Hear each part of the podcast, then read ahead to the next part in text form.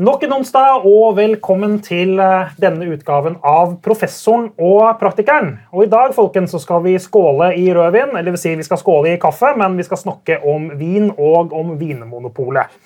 Vinmonopolet er jo en 100-årig eh, statlig monopolbedrift kjenn litt på det ordet, som vinner priser for kundeservice.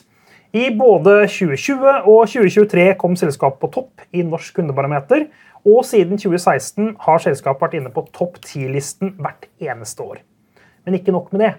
I 2023 toppet Vinmonopolet også tre andre omdømmeundersøkelser, i tillegg til Norsk kundebarometer, Kantar og Ipsos sine omdømmemålinger. Men eh, disse resultatene kom jo ikke av seg selv. Første gang Vinmonopolet ble målt i Norsk kundebarometer, endte de faktisk opp blant de ti dårligste bedriftene. Så hva er nøkkelen? Hva er det man har gjort de siste 20-25 årene som har gjort at Vinmonopolet har kommet så høyt opp på listene? Og Vi har invitert deg, Elisabeth Hunter, du er administrerende direktør i Vinmonopolet, for å snakke om eh, akkurat det og litt til om en statlig monopolbedrift som Vinmonopolet er. Så hva er hemmeligheten? Kan ikke du fortelle oss hva er det som skal til med å lykkes med kundeservice? Det er jo et litt stort spørsmål, men ja. hvis jeg skal si én ting, så er det jo at vi har fantastiske ansatte som er stolt av jobben sin og de er stolt av både å levere på samfunnsoppdraget, det at de jobber i Vinmonopolet har en viktig oppgave, men også er de genuint interessert i å gi kundene gode råd på mat og vin. Og det tror jeg Den der genuine interessen og den stoltheten som ligger hos våre ansatte, det er kanskje det jeg vil trekke frem aller først. da. Eh, I tillegg til selvfølgelig en rekke andre ting som vi også har gjort siden vi var i bunn. Uh, og nå da er så heldig å ha klart å klatre helt mm. til topps. Men det er, jo ikke, altså det er jo mange eh, retailere som har kompetente ansatte. Ja. Altså, man, man, vi har hatt bokbransjen på besøk her. De sier at ja, folk er kjempeinteressert i bøker som jobber i bokbransjen. Mm. Vi har hatt Musti på besøk, mm. og alle som jobber på Musti, har dyr selv og er veldig opptatt av dyrevelferd. Mm. Og dere på Vinmonopolet har da ansatte som drikker mye vin. det, det, kan, det, kan, ikke være den eneste forklaringen, selv om jeg, jeg, kjøper at det er viktig. selvfølgelig. Ja, Men jeg tror også de liker å dele av kompetansen sin. da. Ja. Det er jo ikke alle, så Selv om du er glad i dyr, så er det ikke sikkert du elsker å dele kompetansen din om dyr for det. det jeg tror at de som jobber i Vinmonopolet, de, de gledes over å dele kompetansen sin med en kunde som er interessert i å høre om det. Jeg har jo vært ti år i apotek. Mm. Eh, farmasøyter er jo fantastisk dyktige. Eh, jeg kunne skrytt masse av flinke farmasøyter, men det er ikke alle farmasøyter som genuint liker å dele kompetansen sin med andre for det. Og det tror jeg også er litt av nøkkelen da, til Vinmonopolets ansatte. At hvis de treffer en kunde som vil snakke om mat og vin og eh, jordsmonn og andre ting, så er det ingenting som gleder de mer. Så den genuin, genuiniteten ja, tror jeg er veldig viktig. Men det har ikke alltid vært sånn.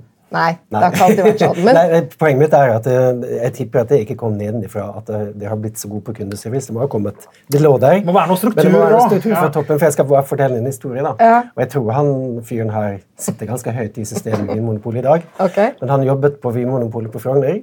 Okay. Jeg var der for å kjøpe vin en gang for mange år siden. Dette var, tid, dette var før Norsk Underbarometer, tror jeg. Ja, og så sa jeg det at det, det var en fransk Riesling, tror jeg. Jeg glemmer det aldri. Og så kom han med flaska. Det var da det var sånn disk. Ja. Uh, ikke selvbetjent. Og så sa jeg jeg syns jeg husker at etiketten var litt gul. Vet du hva han svarte? Mm. Ja, jeg kan hente en gul tusj.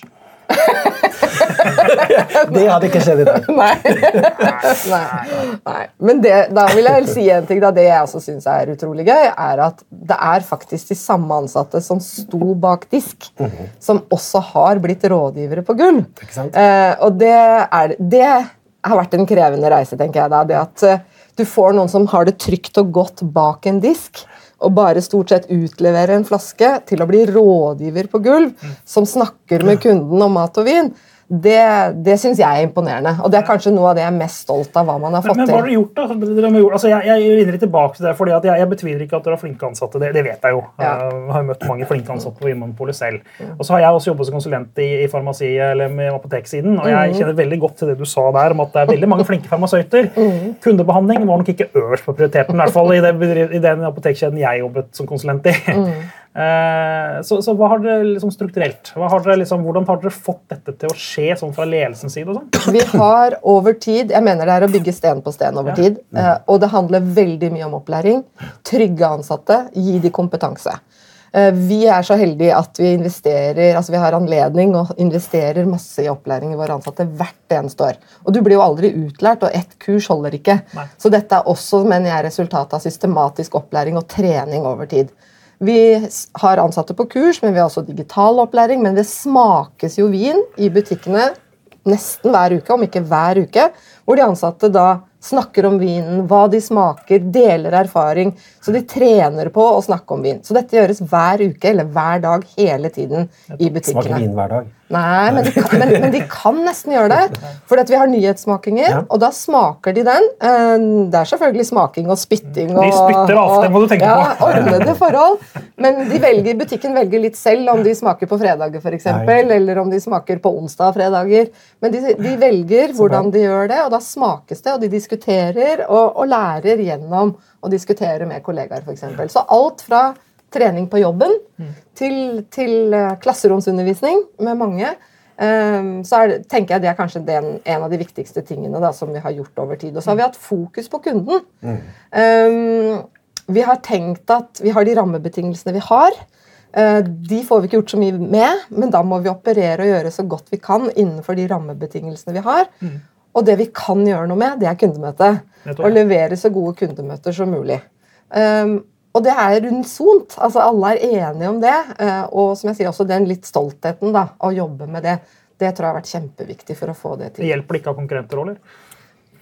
Vi tenker ikke helt sånn. Altså, vi, eh, vi tenker mest på å levere det vi kan for kunden. Vi tenker ikke, vi har, jeg mener jo Vi kunne også argumentert for at vi har konkurrenter. Jo, bra.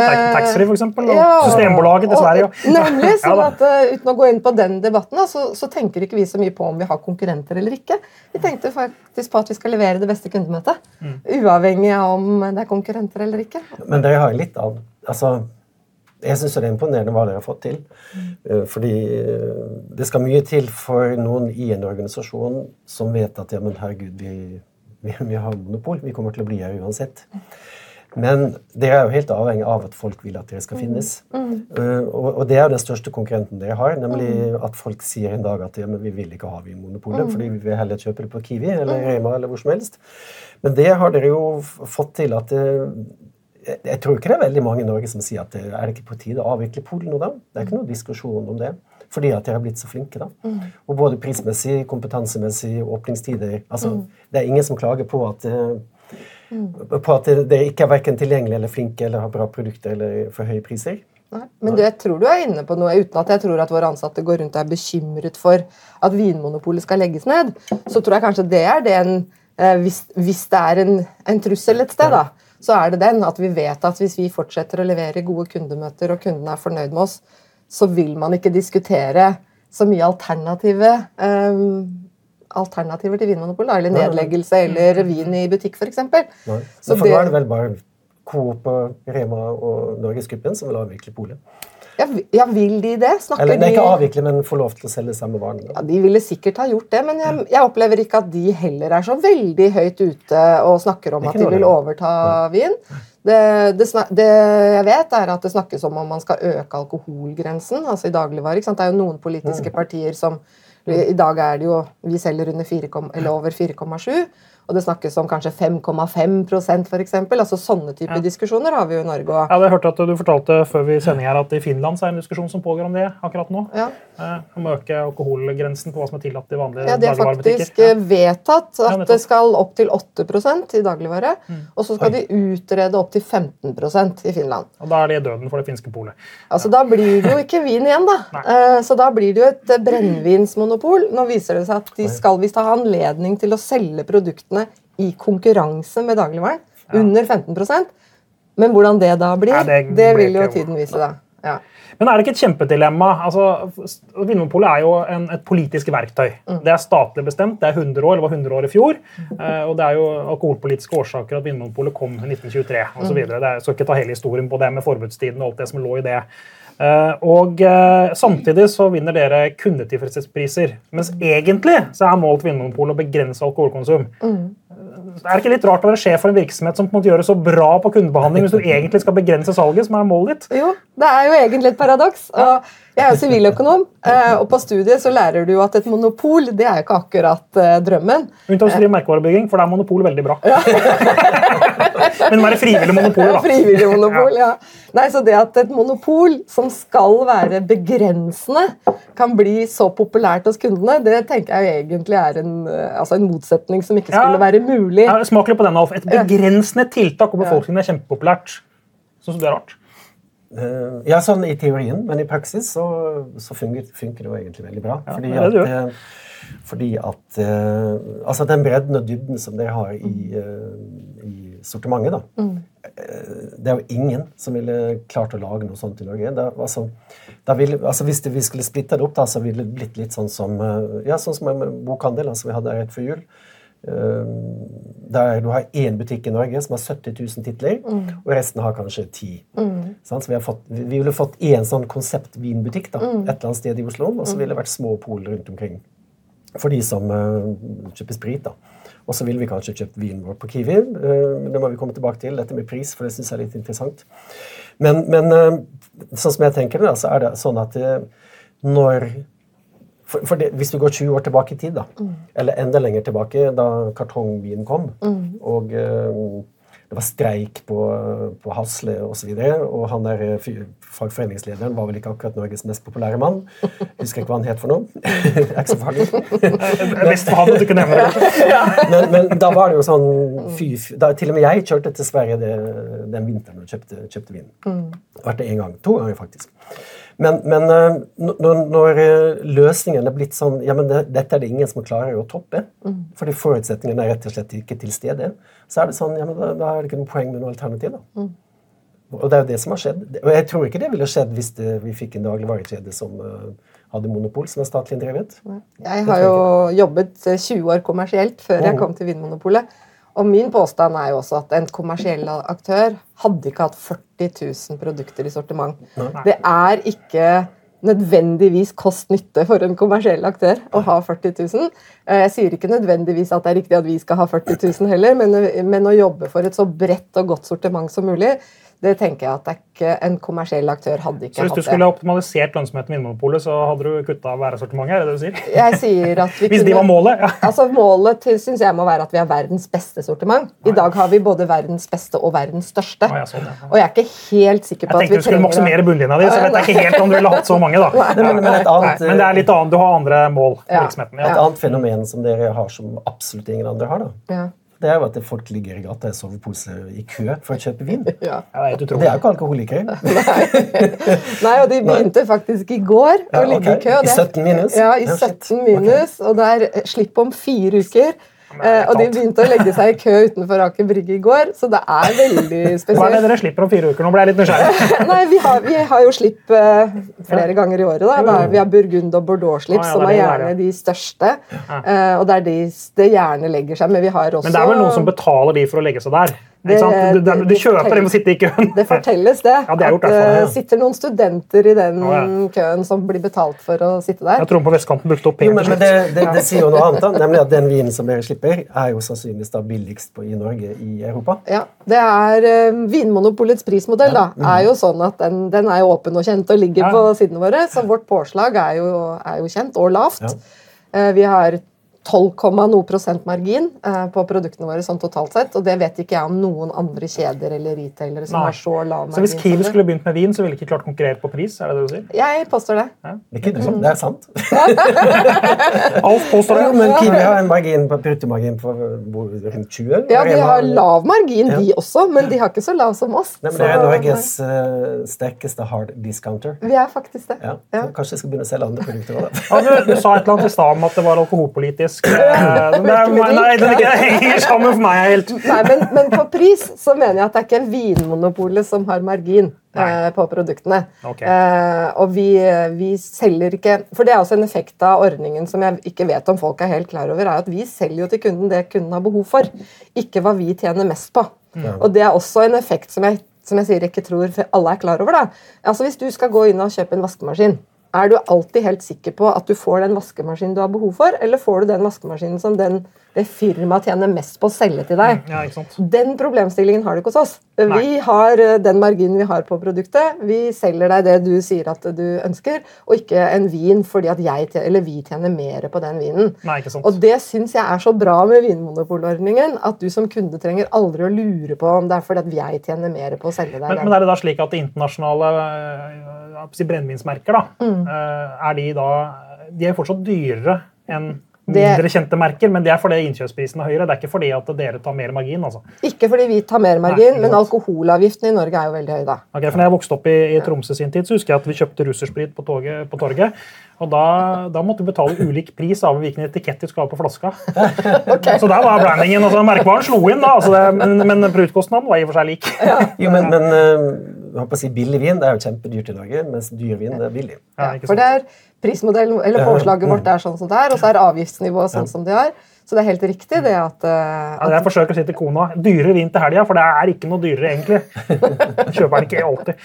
Du, jeg, jeg må, en ting vi snakket om i stad som jeg bare ble litt usikker på. Eh, Du snakket om kunnskapen hos de ansatte og kompetansen som så viktig. og det, det tror jeg høres veldig riktig ut. Er den like god på alle vinmonopol i hele Norge? Er det slik at jeg kan få den samme kompetansen som går på Vika-polet, Aker Brygge-polet, kontra hvis jeg går i Alta? Altså, Vi har obligatorisk opplæring for alle våre ansatte. Alle som begynner hos oss, signerer på at de skal gjennomføre obligatorisk opplæring. Og så er alt du gjør etterpå, det bonus. Altså du, som jeg sa i sted, du blir aldri utlært, du kan ta mer i kurs, du kan spesialisere deg, du kan ta VZ, du kan gjøre ting. Men grunnutdanningen skal alle våre ansatte ha. Okay, nettopp. Så selvfølgelig har vi noen ansatte som er flinkere enn andre. Det skal jeg ikke si at vi ikke har. Men alle ansatte, om du er deltid eller heltid, så får du samme obligatoriske Har. Ja, alle har det grunnleggende. Og så sier vi ikke at alle ansatte må kunne alt heller, men teamet i butikken skal i fellesskap eh, kunne dekke veldig mye. Sånn at i en, i en butikk så kan du ha en som har spesialisert seg på Frankrike, og så kan du ha en annen som har eh, spesialisert seg på oversjøisk. Så hvis du som kunde kommer inn og skal ha en vin fra Amerika, men du har spesialisert deg på Frankrike, så kan du si et øyeblikk, så skal du få snakke med min kollega som har spesialisert seg på oversjøisk vin, eksempel. Men det, det opplæringsprogrammet det er ikke noe dere har tenkt å selge til andre? liksom? Som, Det Ut til folket! Det kunne vi gjerne gjort, men det er ikke en del av vårt oppdrag. Nei, det er ikke det oppdraget, Vi, vi har jo, det er jo bestemt hva vi har lov til, og vi har lov til å selge, selge alkohol over 4,7% og alkoholfri festdrikke. Nettopp. Det er det vi har lov å selge. Vi har ikke lov til å selge opplæringskursene. Når det er sagt, så har vi begynt med kurs for kunder. Så vi har noen Så det er noen elementer som er ja, ja, Kurs, altså vinkurs? For kunder, ja. ja. ja. Sommelierkurs, eller Det har vi ikke. Nei. Men vi har kurs for kunder hvor vi f.eks. har lær å smake vin. eller lær å... Vi har litt mer avanserte kurs også, da. Men, ja. Ja. men det er veldig få av de foreløpig. da. Mm. Du, apropos kommunikasjon, dere har jo ikke lov til å drive med reklame. Det er jo forbudt. Eh, Men samtidig så har dere et kommersielt behov, og det skal balanseres mot samfunnsoppdraget. Hvordan, altså, så har dere det som heter vinblad, blant annet, som eh, man kan få i butikken. og sånn. Hvordan balanserer dere disse tingene her? Altså, hvordan jobber Dere liksom med... Dere vil jo gjerne kommunisere litt, samtidig som dere skal liksom holde igjen. Ja, eh, Har dere mye debatter om det internt? da? Ja, det har vi. Ja. Vi sier at vi er balansekunstnere. Fordi at vi på den ene siden så har vi det samfunnsoppdraget og skal ivareta ansvarlig salg, og på den andre siden så ønsker vi å, å ha opplæring for kundene om mat og vin. Så det skiller mellom, altså, Opplæring er ikke kommunikasjon og reklame. altså. Jo, men vi, eller vi snakker jo om generelt om produkter. Vi snakker ikke om enkeltprodukter eller enkeltmerker. Vi snakker f.eks. om at Riesling kan passe til sjømat, for eksempel, men vi sier jo ikke hvilken Riesling eller hvilket produkt. Det, det skriver vi ikke om i Vinbladet. Det er ikke liksom artikkelen som sier at jeg drikker gjerne en ekstra champagne til nyttårsaften. for Nei, da blir det ekstra gøy. liksom. Nei, vi har det er ikke det. sånt. Nei. er det sampling, da? Nei. og vi har lite tre for to, og vi har ikke sånn. Fint. Ja, men vi har eh, generell omtale om mat og vin, f.eks. i Vinbladet.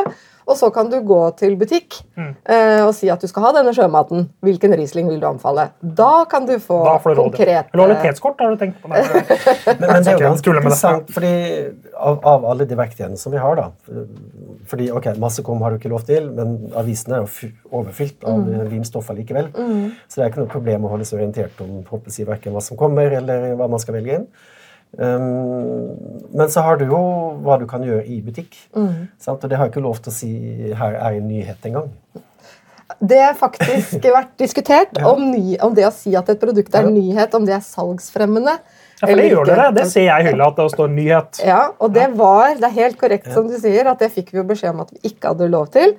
men så ble det en ny politisk beslutning som okay. sa at vi fikk lov å si at det var en nyhet, så lenge det ikke fremsto som at det skulle være fram, eh, salgsfremmende, men at det skulle være faktaopplysning. Dere kan ikke dytte ut på gulv som nyhet, liksom, men vi kan ha det i hylla en liten label. Ja.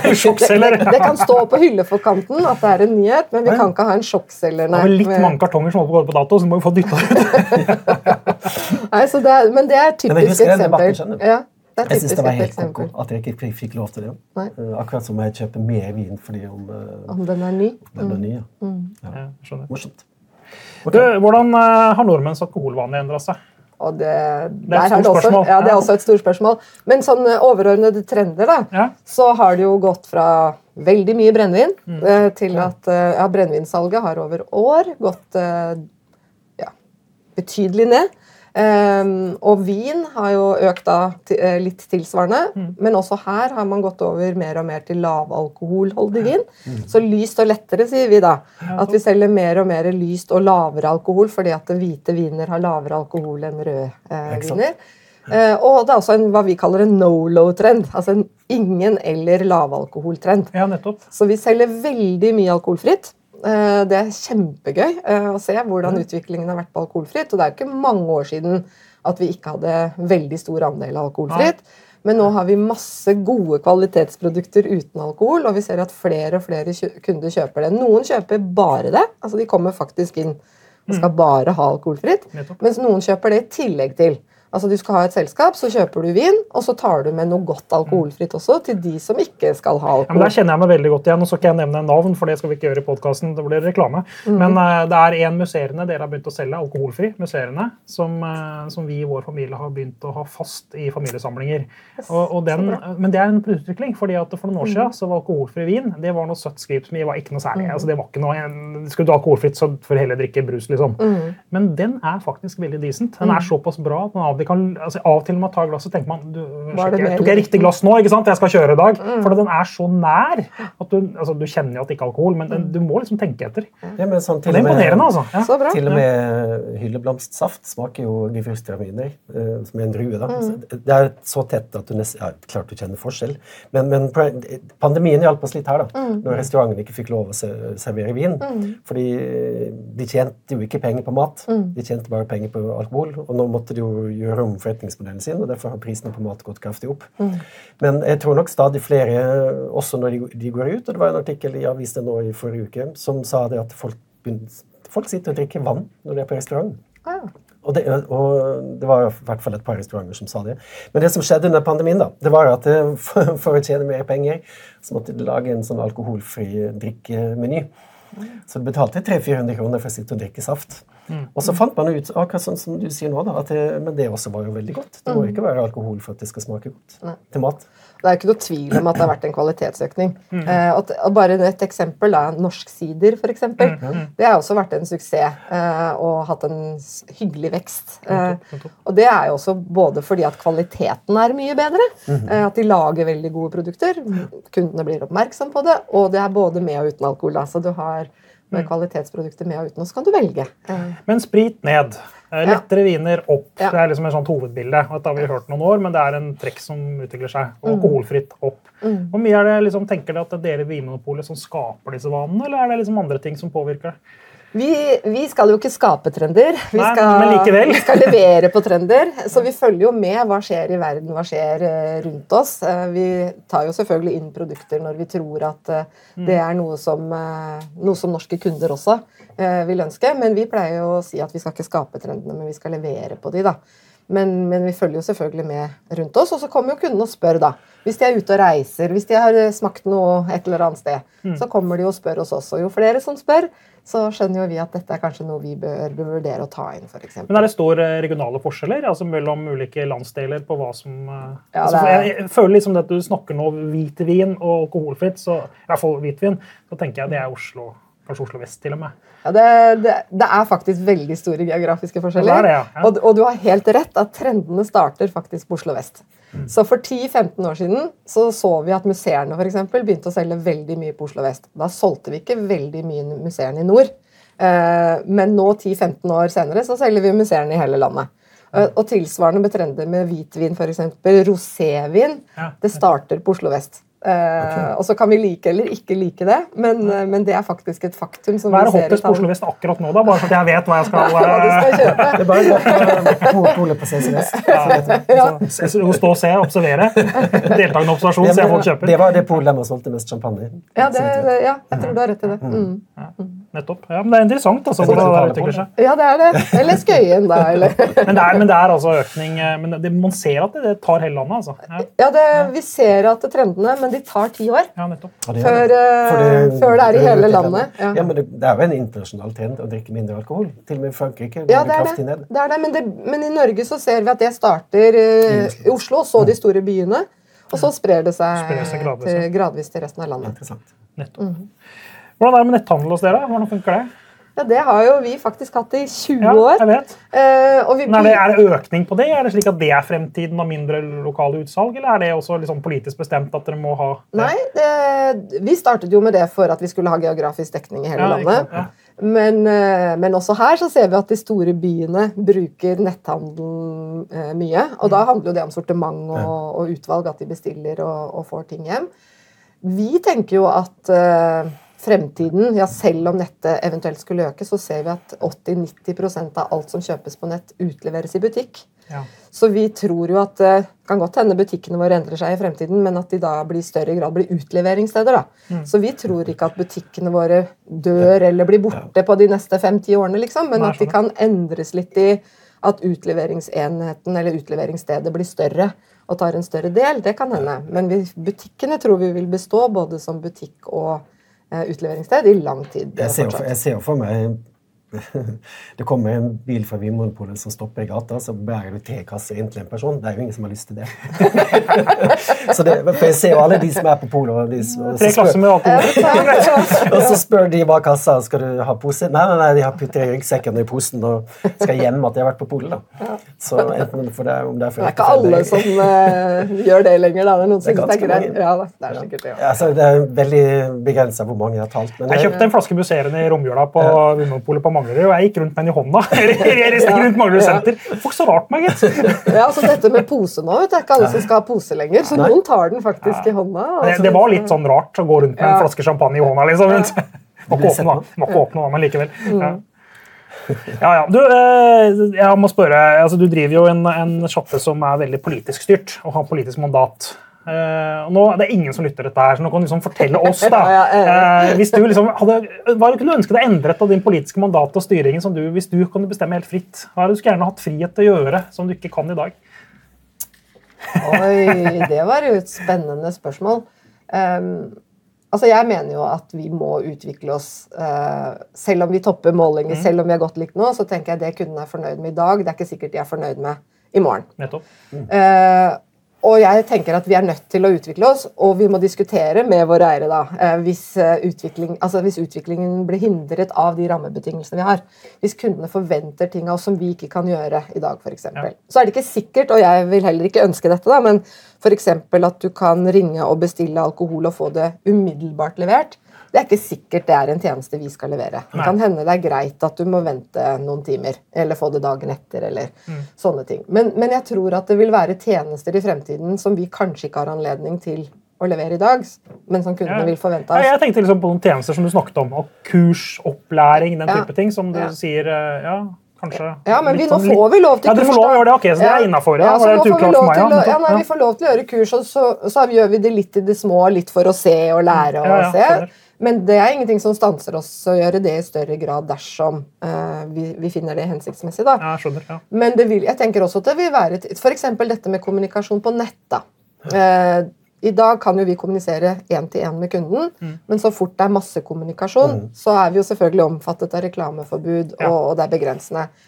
Jeg, jeg, vil, jeg ønsker jo at Vinmonopolet skal være foretrukken for kunden til å søke råd og veiledning. Mm. Og hvis det blir sånn at andre store internasjonale aktører er der du går for å få informasjon om vin, Vivino eller jeg vet ikke om jeg skal eh, nevne andre selskap, men sant, andre store aktører da, som jobber med, med, vin, kan kommunisere mer enn det vi kan, så tenker jeg det vil jo være en utfordring for oss hvis ikke vi også kan kommunisere og være valgbar for kunden. Ja, skjønner, så det vil jeg ønske meg da. Men det tenker jeg det må jeg diskutere med, med eierne og, og finne en måte å gjøre det på. fordi Hvis vi ikke er valgbare, ja, da kan vi jo ikke utfylle oppdraget vårt. Nei, det var det jeg skulle si, for det skal dere liksom eh, som oppdrag å holde alkoholkonsumet nede i Norge. Så hvis dere Mm. blir utdatert, så finner folk sine andre måter Det er nettopp det. å skaffe der, alkoholen på. ja, Ja. og derfor må vi utvikle oss, Mm. og derfor må vi diskutere hva gjør vi da i de situasjonene hvor andre aktører kan utvikle seg på en måte som ikke vi kan være med på. da. Så dere regner med at dere skal ha et 200-årsjubileum en gang? altså? Ja, jeg gjør det. Jeg håper det. Jeg er ikke der, da, men Nei, ja, hvem vet? Med ny teknologi og helsemuligheter. Ja. Ble du tørst? Eh, ikke på alkohol. Eh, jeg syns ikke det er godt på alkohol på formiddagen, faktisk. Det er bra. Så du er ikke en type som sitter og drikker øl på flyplassen når du reiser klokka sju om morgenen? altså? Nei. Det, det, jeg husker første gang jeg var på, på sånn uh, charterreise. Det var faktisk på BI. Da det var sånn foreleserseminar på Gran Canaria. Fikk du være med på det, du? Med på jeg ble gjesteforeleser bare for å være med på det, faktisk. Innrømme. Men, men da satt jo folk og drakk eh, konjakk til frokosten. Og det er lenge siden jeg har sett på flyet. Altså. Det det, høres ut som mine gamle kollegaer. markedsføringsfolk. ja. Uff a meg. Ja. Jeg er pensjonist nå. mest- Mesteparten av dem. Uff. Ja, ok. Du, eh, tusen takk for at du kom. Elisabeth Hunter, Tønter, administrerende direktør i Vinmonopolet. Eh, takk for det. Og til deg som så på, takk til deg også. Husk at vi slipper en eh, ny episode hver eneste onsdag. Og da må du liksom huke av den der 'jeg følger', enten på Podme, Spotify eller hvilken som helst annen plattform der du følger dine podkaster. Og tusen takk til hun som er monopolist på produsenttjenester her, professoren og praktikeren, Nora Lund.